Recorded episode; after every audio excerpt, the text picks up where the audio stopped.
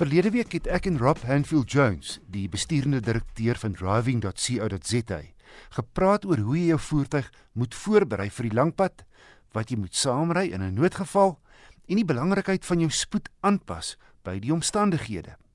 En indien jy weer na die bydrae wil luister, dis as 'n potgooi op RSG se webtuiste onder Naweek Aktueel beskikbaar.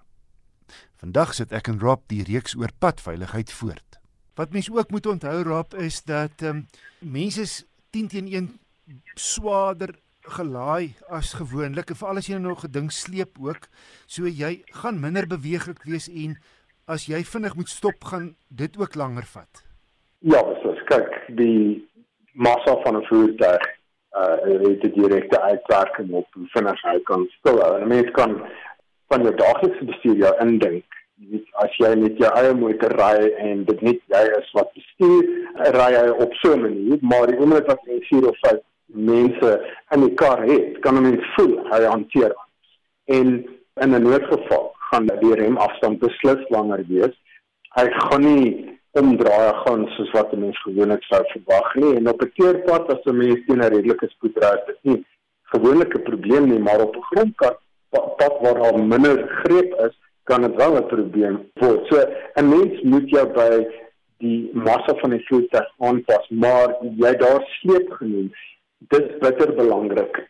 Hou by die regulasies vir die karavaan of die sleepwa laai. Maak seker dat daar die regte massa op die sleepstang is, want as iets daar verkeerd is, en daai voertuig begin swaai, kan dit baie baie van vinnig hande uitruk. So dit is nie streng gesproke 'n funksie van sy massa nie, maar eerder die verspreiding van die massa wat verkeerd is wat kan daartoe lei dat karavane begin swaai en daardie klas van dinge. So die laaste ding wat ek ook wil byvoeg is oorbelaaide voertuig is jaarliks by talle uh, ongelukke betrokke waar mense net die voorgeskrewe maksimum massa van die voertuig oorskry. En dit het alle verskillende uitwerkings soos die wielaars wat uh, nie so lank hou nie en makliker kan breek. Brandstofverbruik gaan ook op en remafstande gaan nou natuurlik uh, eksponensieel op want daar is soveel meer massa verby die vlak waarvoor die remme ontwerp is.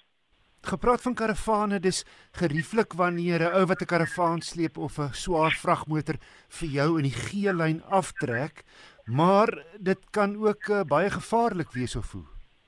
Ja, absoluut so, maar gelukkig bepaal die wet hoe mense dit veilig kan doen. Mens mag dit nie byvoorbeeld op 'n plek doen waar daar nie voldoende sig is nie.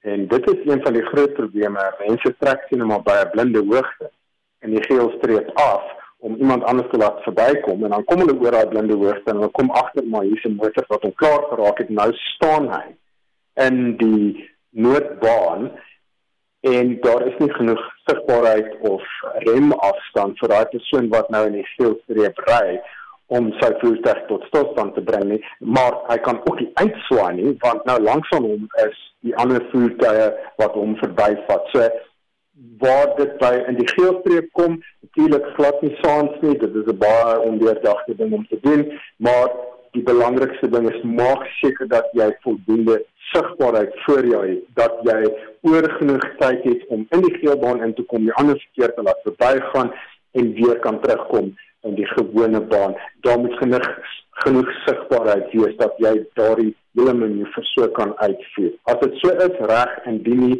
uh met liewes nie oortrek nie. Onthou die wet doen jou nie om oor te trek. Jy hoef dit slegs te doen as jy voel dit feit. Ja, dis ook die probleem want baie ouens uh, beskou dit as 'n gegewe dat jy moet plek maak, nê, as hulle nou haastig is. Ja, nee, die die wet bepaal glad nie so nie. Dit is nie so as 'n mens in die regte baan van 'n snelweg ry en ook om 'n polisiemotor van agter af dat die wet voorskryf dat jy moet oor uh, beweeg na die na die middelste baan toe. Hulle praat van yielding immediate right of way, sê hulle daar in die verkeerswet wetgewing.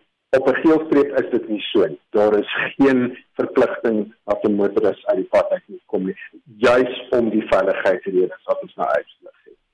Ja, Rob, 'n ander gevaarlike situasie is en ek dink nou spesifiek toe ons Desember daar deur die Karoo gery het, wat 'n enkelbaan is, is wanneer jy aan albei kante voertuie het wat aftrek in die G-lyn en dan 'n verbystekery. Maar as hierdie spulletjie nou reg oorkant mekaar plaasvind, dan het jy vier voertuie wat ehm um, besig is om pad te gee of verby te steek wat dit natuurlik baie gevaarlik maak, nê? Nee. Ja, absoluut, want basies het slegs twee van daai voertuie, die twee wat in die geelbaan ry, enigstens 'n ontsnappingsroete. Jy weet hulle kan links uitswaai in die taal en af iets wat verkeerd gaan. Maar daai twee ouens wat daar in die middel het geen uitweg nie. As iets daar sou fout gaan, as iemand se band sou bars of soos wat ek wel al gesien het in daai eenste situasie waar daar vier ouens langs mekaar is en dan kom 'n knap van agter af en nou wil hy sommer verbysteek. So met ander woorde, nou wil hy dit 5 maak. Dan het daai ouens nie 'n plek om te gaan nie. So dis weer eens 'n geval van wees baie baie versigtig voordat jy in die geelstreep intrek en as jy iemand wil verbyvat wat reeds in die geelstreep ry, kyk vooruit en kyk of jy jou in so 'n situasie gaan laat beland waar al vier mense so langsam mekaar gaan wees want dit plaas jou in 'n situasie waar daar geen uitweg is en die verkeerd sag. Want ouens wat 'n kar in die geel lyn verbysteek is geneig om met hulle regterkantste wiele oor die middellyn te kom, nê, nee, wat as daar nou karre van voor af kom dan raak dit 'n gevaarlike situasie. Ja, veral as daar nou twee mense is wat gelyk so maak. So ja, weer eens 'n geval van kyk vooruit, jy weet As jy net na die sterkste syfers van Trump op botsings gaan kyk, die 1 in 6 is noodlottig. Dit is nie 'n botsingstipe wat 'n baie goeie oorlewingssyfer het nie. Hmm. En dit is juis daai botsingstipe wat op die spel is as 'n mens verbysteek. Maak jy die geringste fout, dan het jy 'n Trump op botsing wat waarskynlik nie oorleefbaar gaan wees as 'n mens teen tipiese die spoed wat in die kar sou doen sonder die 20 perke. As jy twee motors skryf wat van vooraf teen 120 bots kan daar waarskynlik nie mense wees wat eers nie. Motors is nie daarvoor werk nie. Rob Phil Jones, die bestuurende direkteur van driving.co.za.